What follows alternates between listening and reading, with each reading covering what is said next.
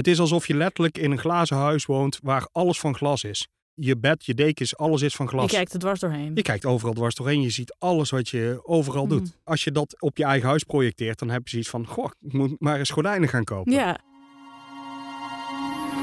In de podcast Overdenken spreek ik, Nienke de Jong, met docenten en hoogleraren van de Open Universiteit over hun vakgebied, hun onderzoek en hun fascinaties. Met in deze aflevering Hugo Jonker, universitair docent Security en Privacy bij Informatica aan de Open Universiteit. De digitale veiligheid van Nederland. Die moet snel veel beter. Hackers kunnen met gemak de samenleving ontwrichten. En nu waarschuwt diezelfde privacywaakhond voor een nieuwe wet bedoeld voor het opsporen van fraude en criminaliteit. Wat kun je als bedrijf doen tegen ransomware? Hoe zorg je voor je online privacy? Gaan we bij de Tweede Kamerverkiezingen ooit digitaal stemmen? Hugo, waar gaan we het vandaag eigenlijk over hebben? We gaan het hebben over security, privacy en ethiek. Die toepassen op twee aspecten, de samenleving en het individu. En om dit concreet te maken, gaan we het hebben over ransomware aanvallen op bedrijven, je privacy online en stemsystemen. Was jij als eh, klein jongetje al eh, altijd al bezig om je eigen computer eh, te, te tweaken? Of? Ja, ik, ik vond dat interessant. Ik vond het interessant om die computer dingen te laten doen die ik wilde. Wat voor computer had jij? Wij hadden vroeger een, een, een hele oude, ja, de, gewoon standaard computer, een XT heette dat toen. Dus met vier kleuren geel scherm nog. Oh ja, en, en wat deed jij daarmee, zeg maar? Pac-Man spelen. Heel veel Pac-Man. Ja, en toen kwam ik een keer bij de buurjongen. En eh, die wilde een spelletje aan mij laten zien, maar dat deed het niet. En toen ging die wat magische dingetjes intikken. En de computer opnieuw opstarten. eh, op een net iets andere manier met wat hij net had ingetikt. En, toen de, en ik vond dat zo fantastisch. Want toen deed hij het wel. toen deed hij het wel. Ja. En je kon gewoon die computer andere dingen vertellen en dan luistert hij naar je. Nou, dat vond ik wel heel mooi. En heb je dat toen van die buurjongen geleerd? Nee, ik, eh, ik bedoel, ik snapte ongeveer wat hij deed. Dus ik ben, eh, ik ben daar gewoon... We hadden bij de computer een boek. Eh, het MS-DOS handleiding. Die ben ik gewoon gaan lezen. Zat je, ik, zie, ik zie jou nou als kleine Hugo s'avonds in je bed voor het slapen gaan het MS-DOS handboek doornemen. Ja, dit is, nou ja, zo was het niet helemaal. Maar dus ik was heel benieuwd met, met eh, hoe, hoe kun je nou dat opstarten tweaken. En dat stond dus in dat boek. Of ja, daar was ik achter gekomen. En dan ga je dan lezen, wat voor opties zijn er? Ja, je had nog geen internet in die tijd. Dus ja, je moest het uit boeken of tijdschriften of zo halen. En was je op de middelbare school dan ook eh, ja, echt zo'n eh, computernerd? Absoluut. Absoluut. Eh, het mooiste voorbeeld, eh, er was een computerclub op school. En die, ehm, die is ter ziele gegaan. En toen ben ik met een vriend van school, heb ik die opnieuw opgestart. Maar even voor het beeld van onze luisteraar. In, in welke jaren was dit? Want je zegt er was nog geen internet. of toen wel? En toen was er ook nog geen internet. En zeker niet op die school. Nee. nee, we hadden toen hele oude computers. Maar dan kon je heel leuk... Als oude computers precies doen wat je wil, is dat heel leuk. Oh ja. In welke jaren was dit dus? Dit was in eh 93, 92, 93, 94 uit mijn hoofd. Oh ja, dus ja, is echt pre-pre-internet inderdaad. Tenminste voor onze gewone stervelingen. Hè? Dat- Voor de gewone sterveling in Nederland wel, ja. Dan lijkt me dus ook heel logisch dat iedereen na jouw eindexamen zei... nou, Hugo gaat informatica studeren. Dat had ik zelf al eerder bedacht. Dus Ja. ja, dat was de tweede of derde klas. Je kon, ik kon niet meer anders. Ik wist niet eens wat het was, maar ik had zoiets. Ik, ga, ik wil iets met computers en eh, ja, dan ga je studeren, informatica studeren. zo En moet wat vond je er toen al zo leuk aan... dat je dat al vanaf dus je veertiende wist van... dit is wat ik moet doen? Ik had het helemaal fout. Oh, Ik was overtuigd, iets met computers, dat is leuk. Ik vind computers leuk. En ik vond computers leuk. Ik vind computers leuk en interessant. En ik wilde er ook meer van weten. En daarom is het allemaal goed gekomen. Maar ik ben informatica gaan studeren en dat gaat over iets heel anders. Informatica gaat over informatiestromen beheren. Kort door de bocht gezegd. Dat is de kortste samenvatting die ik kan geven. mhm. Ja, d- dat is iets heel anders. Want als je, bij informatica denkt iedereen natuurlijk aan computers. Maar als ik zeg, het ga, eh, ja, ik heb eh, informatiestromen beheren gestudeerd. Dat klinkt heel anders. ja. Je hebt ook jarenlang in het, in het oog van de storm gezeten eigenlijk. Want er is waarschijnlijk geen werkveld wat zich zo ontwikkeld heeft... vanaf, nou ja, laten we zeggen, jouw computerclub in 92 tot aan nu. En de impact die het heeft op ons leven. Dat is echt fantastisch. Toen ik eh, nog op de basisschool zat, toen kwamen de PC kwam toen in de Nederlandse woonkamers langzaam. Mensen kochten dus toen computers die je niet kon aansluiten op internet. Nee. Ik heb dus die transformatie gezien van er zijn nauwelijks computers naar ieder huis wil zijn eigen computer, want dat is handig voor, ik zou het nou niet meer kunnen duiden. Uh, ja, voor computerspelletjes, hè? Die je op kleine cassettebandjes had. Ja, maar, maar die apparaten waren veel te duur uh, om ze voor de spelletjes te kopen. Ja, of ging je dan op tekst verwerken en dan het uitprinten op zo'n printer met van die gaten aan de zijkant in het papier en zo? Ja, en dan zo'n matrix print zo. Die. Dat. Ja. Maar toen kwam dus internet. En, en toen werden mensen dus verbonden. En vervolgens eerst Web 2.0 en toen echt mobiel internet. Dus Web 2.0 was dat niet meer webpagina's informatie aanboden, maar dat mensen, gebruikers, dingen op webpagina's zetten. En toen kwam dus een YouTube, een Twitter. Allemaal dingen, de, als je de gebruikers weghaalt, dan, dan is het waardeloos. Ja, laten we dan fast forward naar nu. Want we gaan het hebben eigenlijk over ja, alle problemen waar je online identiteit mee te maken kan krijgen. Mm En ja, we beginnen bij ransomware. Nederland is niet goed gewapend tegen internetcriminelen. Het Nationaal Cybersecurity Center noemt die kwetsbaarheid ernstig. En dat lek kan voor duizenden bedrijven verkeerd uitpakken. Even voor de duidelijkheid. Ransomware is simpel gezegd dat andere mensen een slot op jouw computer doen en je geld vragen om dat slot er weer vanaf te kunnen halen. Ransomware is een groot probleem en haalt vaak het nieuws. Er is de afgelopen dagen een ernstig beveiligingslek ontdekt in software dat de meeste bedrijven wereldwijd gebruiken. In de afgelopen jaren werden onder andere de Universiteit Maastricht, autofabrikant VDL, de Hogeschool Arnhem-Nijmegen en de Mediamarkt slachtoffer van zo'n ransomware-aanval. Eigenlijk een heel standaard manier is om binnen te komen is phishing. Dus ze sturen een mailtje met klik hier. Jij klikt, eh, je geeft een wachtwoord af of iets. Of je downloadt wat software van hun en uh, voert die uit en dan, dan zijn ze binnen. Ja, nou ja, en als we nou het voorbeeld van de Universiteit Maastricht pakken, dan, dan zijn die hackers uh, binnen in, in zo'n ja, zo'n administratie van een universiteit. Een universiteit lijkt me nou ook weer niet een heel interessant target qua geheime informatie die ze daar weg kunnen halen nee, toch of zo? Nee, nou een universiteit is een heel interessant target, uh, omdat ze uh, diensten verlenen. Hm. Helemaal ideaal bij een universiteit. Je raakt niet alleen de werknemers, maar je raakt ook nog eens de studenten. En zijn er ook heel veel. Dus ja, dat, dat effect is heel groot. Kijk, een bank heeft heel veel geld, hmm. maar die hebben ook IT-security. En die betalen die mensen ook fatsoenlijk. En die hebben, als ze te weinig mensen hebben, dan, dan zeggen ze, dan doen we meer mensen. Want wij moeten veilig zijn. Uh, een universiteit, ja, die, die heeft niet potten met geld. Die, dat is publiek geld. Dus Ja. die moeten beperkt zijn.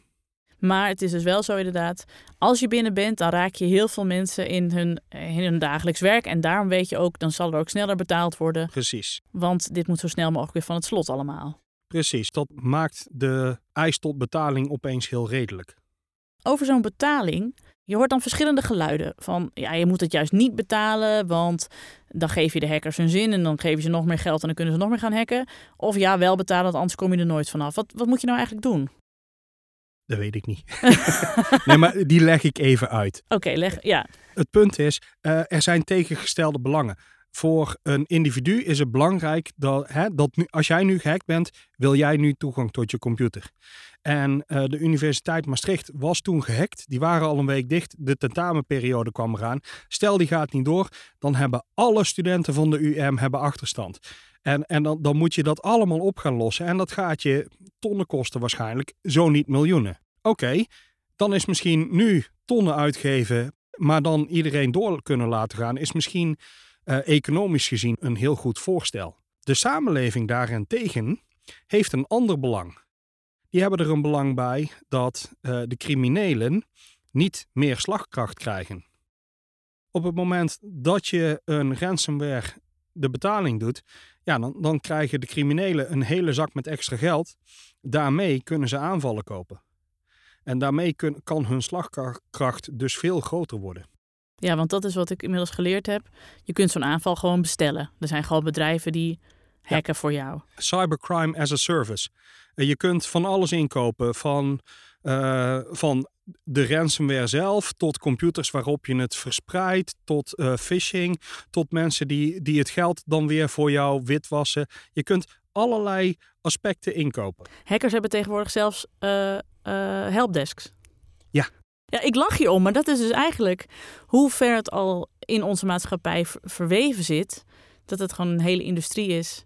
Ja. Waar wij maar mee moeten zien te dealen eigenlijk. Wat kan een bedrijf hier nou aan doen? Ik neem aan dat jij zegt, ja, je moet gewoon je, je spullen goed beveiligen. Maar dan nog lijken ze het binnen te komen. Dus wat kan een bedrijf hier aan doen? Tot op zekere hoogte. Eh, het ligt er ook aan wie je buiten de deur wil houden. Kijk, eh, als jij een Nederlands bedrijf bent en je wilt andere Nederlandse bedrijven buiten de deur houden, dat, dat lukt je vrij makkelijk. Als jij ehm, cyberspionage van, vanuit andere landen tegen zou willen houden, dan moet je maatregelen nemen, ook elektronisch. Dat wordt misschien al wat moeilijker. Uh, als jij het Amerikaanse leger zou willen tegenhouden als zij een inval in Nederland doen om jouw bedrijf in te nemen, ja, dan kun je er naar fluiten. Hmm. Dus het ligt er echt aan tegen wie wil jij je beschermen. Ja, Nou, en, en daar moet je dus van tevoren bepalen. En dan weet je dus ook van, oké, ik kan niet voorkomen dat sommige aanvallen lukken. Wat doe ik dan voor de recovery? Wat doe ik als zoiets lukt? en dat is dus je backups eh, beter beveiligen, denk ik. Ja, backups, offsite backups, eh, je backups testen. We hebben het nu over bedrijven. Ik wil het ook graag even met je hebben over individuen. Soms heb ik het gevoel dat ik niet helemaal veilig ben online.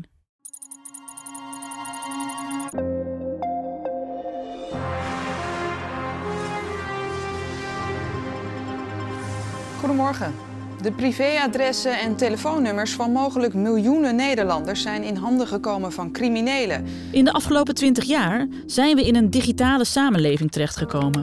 Maar om aan die samenleving mee te kunnen doen, heb je een online identiteit nodig. Voor die online identiteit moet je iets van je privacy opgeven. Je telefoonnummer, je mailadres, wat je bestelt bij een webwinkel, de route die je in Google Maps hebt opgezocht.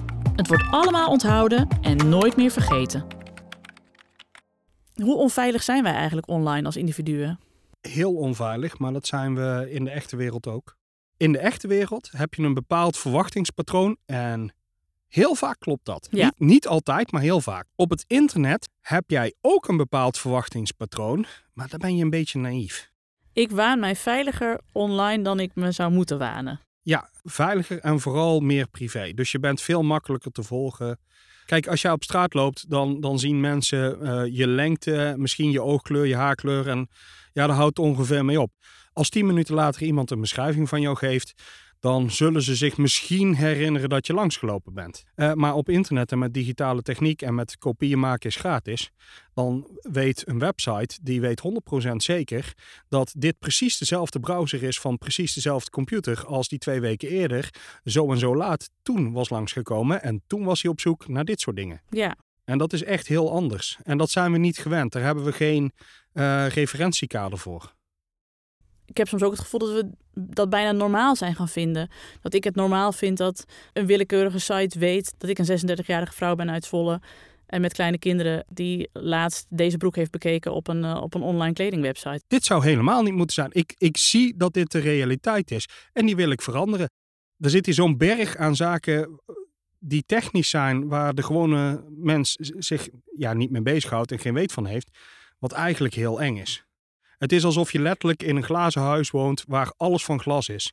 Waar je, ja, je, je, je bed, je dekens, alles is van Je glas. kijkt er dwars doorheen. Je kijkt overal dwars doorheen. Je ziet alles wat je overal doet. Mm. Nou ja, dat- als je dat op je eigen huis projecteert, dan heb je zoiets van: Goh, ik moet maar eens gordijnen gaan kopen. Ja. Ja. Jij moet, ze jij moet er de mensen bewust van maken dat ze gordijnen moeten kopen. Ja. Ja, nou, dus bewustwording is één stap. Eh, ja, een beetje voorzichtig zijn. Dus eh, mo- moet je altijd eh, de nieuwste app installeren. Kijk naar de permissies die die vraagt. En ja, laat gewoon geen enkele app in je contactlist. Nee. Ja, dus ja, als het inherent is, hè, dus eh, je telefoonapp die moet in je contactlist. Oké, maar Facebook hoeft niet in je contactlist, want jouw Facebook-context die zit op Facebook. Ja. Jouw contactlist, die is eigenlijk niet helemaal van jou. Hm. Als daar mijn telefoonnummer in staat, is dat mijn telefoonnummer, niet jouw telefoonnummer. Ja. Ja, als jij die aan een bedrijf geeft, moet je eigenlijk aan mij vragen of dat oké is. Ja, Hugo, mag ik je telefoonnummer geven aan deze, aan deze app waar ik even in wil, omdat ik een spelletje Angry Birds wil spelen? Precies. Ja. En als je daar zo over na gaat denken, dan wordt de wereld opeens een beetje anders. Ja, hoe zou jij het vinden als ik tegen iedereen jouw telefoonnummer ga weggeven? ja, ik zou niet blij zijn. Nee, Nee. nee. Maar dat doe je dus als je apps toestemming geeft. Misschien wel. Ja, maar dit is dus de crux, Hugo. Want ik weet het allemaal, maar die apps maken het ook zo verrekte handig om ze te gebruiken. En die lokken je naar de app toe met kom, kom meedoen met dit spelletje of kom op Ja. dit sociale medium, want hier is het gezellig. En Ja. kijk, zo kan ik je helpen om nog meer vrienden te vinden. En hier, ik zuig je het algoritme in waar jij op zat te wachten. Zoals ik het zie, zit dit eigenlijk inherent in het businessmodel. Je, je wil geld verdienen. Je kunt makkelijker geld verdienen als je meer eh, data hebt. Dus wil je meer data. Een mooi voorbeeld. eh, Google die gaat eh, third-party tracking uitzetten. Dat Dus, is eh, dat. Die, die gaat zorgen dat eh, mensen, als je naar een website gaat met hun browser, eh, dan, dan kun je de tracking cookies van anderen, van Facebook of YouTube, dus niet van die site zelf, maar van anderen, die, die, worden, die, die doen het dan niet meer. Dat is heel mooi, want dan zou je dus niet meer zomaar getrackt kunnen worden. De grap is, ehm, hier heeft Google heel veel voorbeeld, eh, voordeel bij, want Google heeft van iedereen in de wereld een heel goed beeld hoe ze, die hebben ze al lang getrackt. En Google is een advertentieverkoper. En als ze nu zorgen dat niemand anders net zoveel data kan hebben als zij. Dus ze verkopen het als een soort nobel iets van eh, wij verkopen jouw data niet door aan derde partijen. Nou, niet alleen dat, wij, zo, wij blokkeren derde partijen om jou te volgen over internet. Maar En, we doen het lekker zelf wel. eh, nou, we hebben die data al, dus we- wij, kunnen, wij kunnen al eh, dat spul verkopen. Oh, we zijn echt de Sjaak. We zijn echt Sjaak, Hugo. We, we gaan weer naar een opbeurender iets. Ja, het is het internet stemmen. Ja, Ja, dan moet ik even voorzichtig zijn. Eh, onderzoek naar veiligheid, de anonimiteit en verifieerbaarheid van stemsystemen, waaronder internetstemmen. Naar de verkiezingen, waar we dit keer drie dagen lang naar de stembus kunnen en waar ouderen per post mogen stemmen. En daarbij gaat veel mis. het Nederlandse stemsysteem lijkt best ouderwets. Zo'n groot vel papier waarop je één hokje rood moet kleuren. Kan dat niet makkelijker? Of beter gezegd, kan dat niet digitaal? Je wilt het stemsysteem zo anoniem mogelijk houden, zodat niemand kan opzoeken dat jij op partij A hebt gestemd. Maar hoe controleer je dan dat jouw stem echt naar partij A is gegaan? Kortom, hoe maak je een stemsysteem veilig en anoniem? Enerzijds wil je, heel bazaal, zeker weten dat wat de echte stemmers erin stoppen, dat dat eruit komt. Mhm. Dus als er tien stemmen zijn voor Wilders en negen voor Segers, dan wil je dat dat er ook zo uitkomt. Ja, Er is een heel makkelijke manier om die eigenschap te realiseren. Namelijk als je iedere stem door het systeem helemaal kan volgen. maar ja, dat mag weer niet privacy technisch. Daar komt de anonimiteit bij. Ja, maar die anonimiteit, die maakt dus de veiligheid van het online stemmen bijvoorbeeld veel... Die, die, dat creëert dus een spanningsveld, ja. Ja, Kijk, wat denk ik het belangrijkste is, eh, de vergelijking wordt vaak gemaakt met waarom kan ik wel online bankieren, maar niet online stemmen. ja, Oké, stel je gaat online bankieren en je verliest je geld. Wat gebeurt er dan? daar staat de bank garant. Stel je gaat online stemmen en je verliest je stem. Ja, dan, dan ben ik hem kwijt volgens mij. Hè? Ja. Dus stel, hè, er wordt online gestemd. Je manipuleert de verkiezingen. Hoe kun je dit tegengaan? Wanneer kom je erachter en wat, wat voor stappen terug neem je dan nog? Wij hebben hier richtlijnen voor. Maar als er één iemand, als er één inwoner in een stad van 100.000 mensen zegt: Mijn stem is weg. Ja, jammer. Ja. Ehm, als er eh, vijf mensen bij eh, een verkiezing voor lijsttrekker van CDA zeggen: Maar ik had helemaal niet Hugo de Jonge gestemd ja. dan zeggen we ook jammer. Wa- In de praktijk bleek dat in ieder geval zo te zijn. ja. Maar daar kun je je vraagtekens bij stellen. Maar ergens zit er een grens. Hè? Als er in die stad van eh 100.000 inwoners, 50.000 inwoners zeggen: hé, hey, mijn stem is fout geteld. ja. Dan, dan is er gewoon iets fout. Nou, en, en dit is dus een complex juridisch vragenspel. Waar leg je die grens? Dit wordt dus nog moeilijker op het moment dat je elektronisch stemt en er een aanval kan zijn die je niet gedetecteerd hebt. Of die je later detecteert. Waarom willen mensen computers gebruiken in het stemsysteem? Schaalvergroting. Dus eh, vanuit de organisatorische Mhm. kant, kant, alles wordt heel veel makkelijker. Ja. Je, kun, hè, je gooit er een computer extra tegenaan en eh, nu kan je in plaats van voor 10 mensen voor 100.000 mensen. Ja, dan hoeven we niet meer de halve avond te wachten tot Schimon Koog de eerste stemmen bekend heeft Precies. gemaakt. Hè? Ja. De- de- dus alles gaat makkelijker, maar de schaal wordt heel makkelijker. Nou, hier is de grap. Als ik je, hier, ik vraag het jou echt. Hoe kun jij de stembus van één, stemsysteem, van één stembureau, hoe kun jij die stembus manipuleren? Nou, ik heb ooit stemmen geteld en dat gaat niet. Want er, zijn te, er is veel- te veel controle. Ach, je bent niet zo creatief. Kom, denk, denk eens buiten de box. Hoe ik één stembus. Eén stembus. Ik zeg niet dat, dat ze je niet door mogen hebben, hè? Oké, nee, dan zeg ik. eh, als je echt kwaad wilt, dan loop je met een, eh, met een pistool loop je het stemlokaal binnen. Dan zeg je handjes omhoog allemaal. Geef de, de Mhm. kliko met de stemmen. En dan eh, zet je het op een rennen. Dat is één manier. Maar dan heb je dus nog maar één stembus. En dat is nog helemaal niks. Dus dan moet je eigenlijk Ja. 300 mensen hebben met 300 revolvers die 300 stembureaus binnengaan. En dan begint het ergens op te lijken. Precies. Hè? Je zou, eh, hè? Dus stel de Russen zouden onze stemmen willen beïnvloeden. Dan zouden ze dus knokploegen kunnen sturen die stembureaus gaan overvallen. Hoeveel stembureaus moeten er overvallen worden voordat de Ne- het Nederlandse leger ingrijpt? Ik denk dat bij één wel op zich. eh, Hè, Ik denk als er bij drie Nederlandse stembureaus Russische mannen naar binnen lopen met Kalashnikovs, dat, dat, dat er dan opeens gewoon een luchtalarm in heel Nederland afgaat. dat denk ik ook wel, ja. Als wij dit met computers doen, dan gaat dat anders. Ja. Dan punt 1 moet je het überhaupt doorhebben dat iemand binnen zit. Je kunt inderdaad online veel beter ja, ongezien ergens binnenkomen en meelezen. Dat is punt 1. En punt 2. ja, eh, Henk of Ingrid op, op zijn zolderkamertje, of haar zolderkamertje, die kan alle stemmen van Nederland hacken dan. Ja, Kijk, als ieder stembureau zijn eigen stemsysteem zou hebben, dat is heel ingewikkeld en dat is heel ongemakkelijk. Dan moet je echt de dan moet je een andere app als je bij een ander stembureau wil. Dat is echt idioterie. Maar dat is het stemsysteem dat we nu hebben en dat is gecompartimentaliseerd. En als er dus een probleem is, dan blijft dat probleem tot dat compartiment beperkt. En, en dan kunnen we dat dus oplossen. Of we kunnen zeggen, jammer van dat compartiment, het is wel goed genoeg, het maakt toch niet uit in het grote plaatje. en als we dan dus nu even in de toekomst kijken, dat digitale stemmen, gaat het er ooit komen? Ik denk het wel. Ik, dus, maar dit gaat over, en dat is ook heel belangrijk bij security, een, een beetje realiteitszin. Eh, dus als je alleen kijkt naar security en je wil 100% security, dan gaat digitaal stemmen er nooit komen. Hmm. Als je een beetje realiteitszin hebt, dan ehm, is het sterk de vraag of digitaal stemmen er ooit gaat komen voor de hele bevolking. Maar voor niches misschien wel. Dus dat we over acht jaar dat jij en ik nog wel naar de stembus gaan, maar dat alle, mensen in een verpleegtehuis online kunnen stemmen. voor het eerst denk ik aan eh, kiezers in het buitenland. Ja. Dat is een heel kleine groep. Dat is zo'n kleine groep dat die waarschijnlijk weinig effect hebben op eh, het resultaat van de verkiezingen. Dus dat maakt het al, al heel veilig om ermee te experimenteren. En dan nog zou je het in de gaten moeten houden, maar daar, kun je, daar zou je kunnen kijken. Het is een grote service ook voor mensen. Ja, dus je zegt eigenlijk eh, eh, om, om, om af te sluiten, ehm, we moeten gewoon eigenlijk voor die hele eh, cybersecurity en al, helemaal als het gaat om stemmen, we hebben gewoon eigenlijk wat meer geduld nodig. Ik denk punt 1 dat mensen zich inderdaad een stukje bewuster moeten worden over eh, wat een digitale samenleving is. En vooral dat mensen zijn zich dat conceptueel inmiddels bewust. Dat online is niet hetzelfde als de echte wereld. Maar nog steeds doe je onbewust, ja, doe je toch wel dingen die je eigenlijk niet zou doen als je wist waar je mee bezig was. Als je wist wat het risico was. Dus dat is een stukje. Maar een ander stukje is, we die online wereld moet gewoon beter worden. En ik kan er niet in mijn eentje, dus kom me helpen. Dank voor dit gesprek, Hugo. Dit was Overdenken. Hopelijk heb je er iets van opgestoken.